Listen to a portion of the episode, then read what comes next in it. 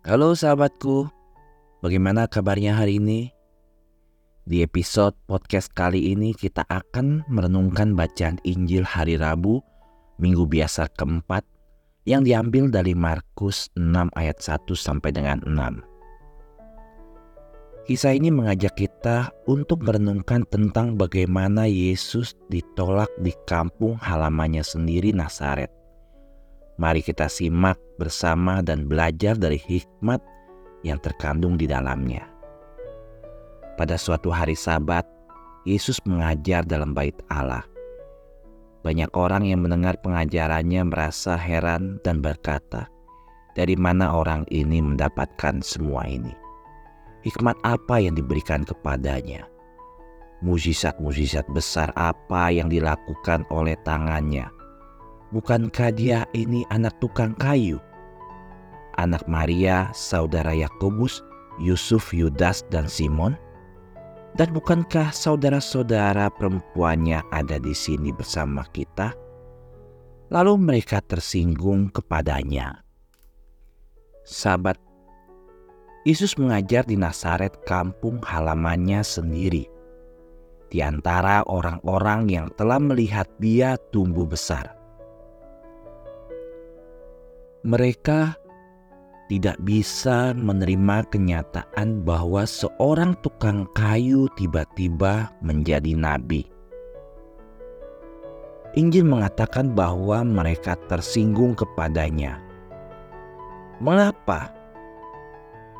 Bukankah tidak perlu tersinggung hanya karena mereka tidak mengerti?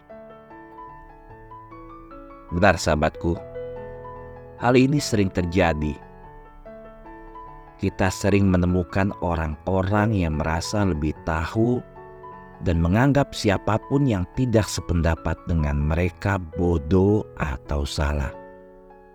Bahkan, ada yang berpikir bahwa agama itu tidak logis dan tidak masuk akal. Mereka yakin bahwa karena mereka tidak dapat menemukan kebenaran, maka kebenaran itu tidak ada sama sekali sebuah cerita tentang seorang mahasiswa duduk di kereta di samping seorang tua yang sedang berdoa rosario. Tuan, selam murid itu, apakah engkau masih percaya pada Tuhan dan doa? Ya benar jawab pria itu sambil tersenyum. Kamu tidak. Siswa itu tertawa terbahak-bahak dan berkata, saya tidak percaya pada hal-hal konyol seperti itu.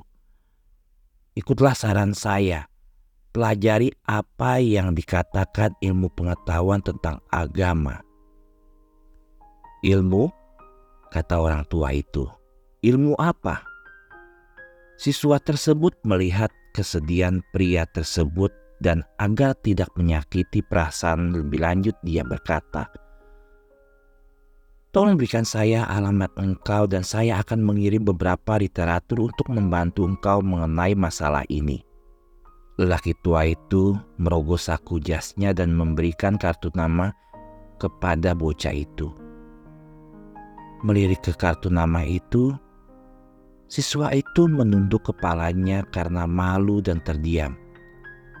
Di kartu itu ia membaca Louis Pasteur, Direktur Institut Penelitian ilmiah.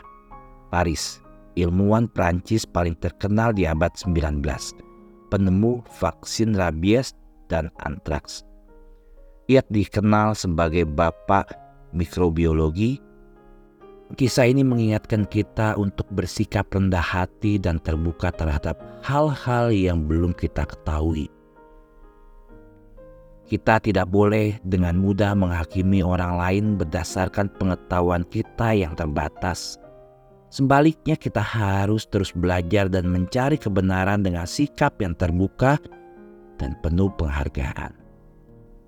Mari kita berdoa kepada Bunda Maria agar kita terus bertumbuh dalam karunia Roh Kudus ini dan semakin mengenal kebijaksanaan Tuhan. Bunda Maria harapan kita dan tata kebiasaan, doakanlah kami.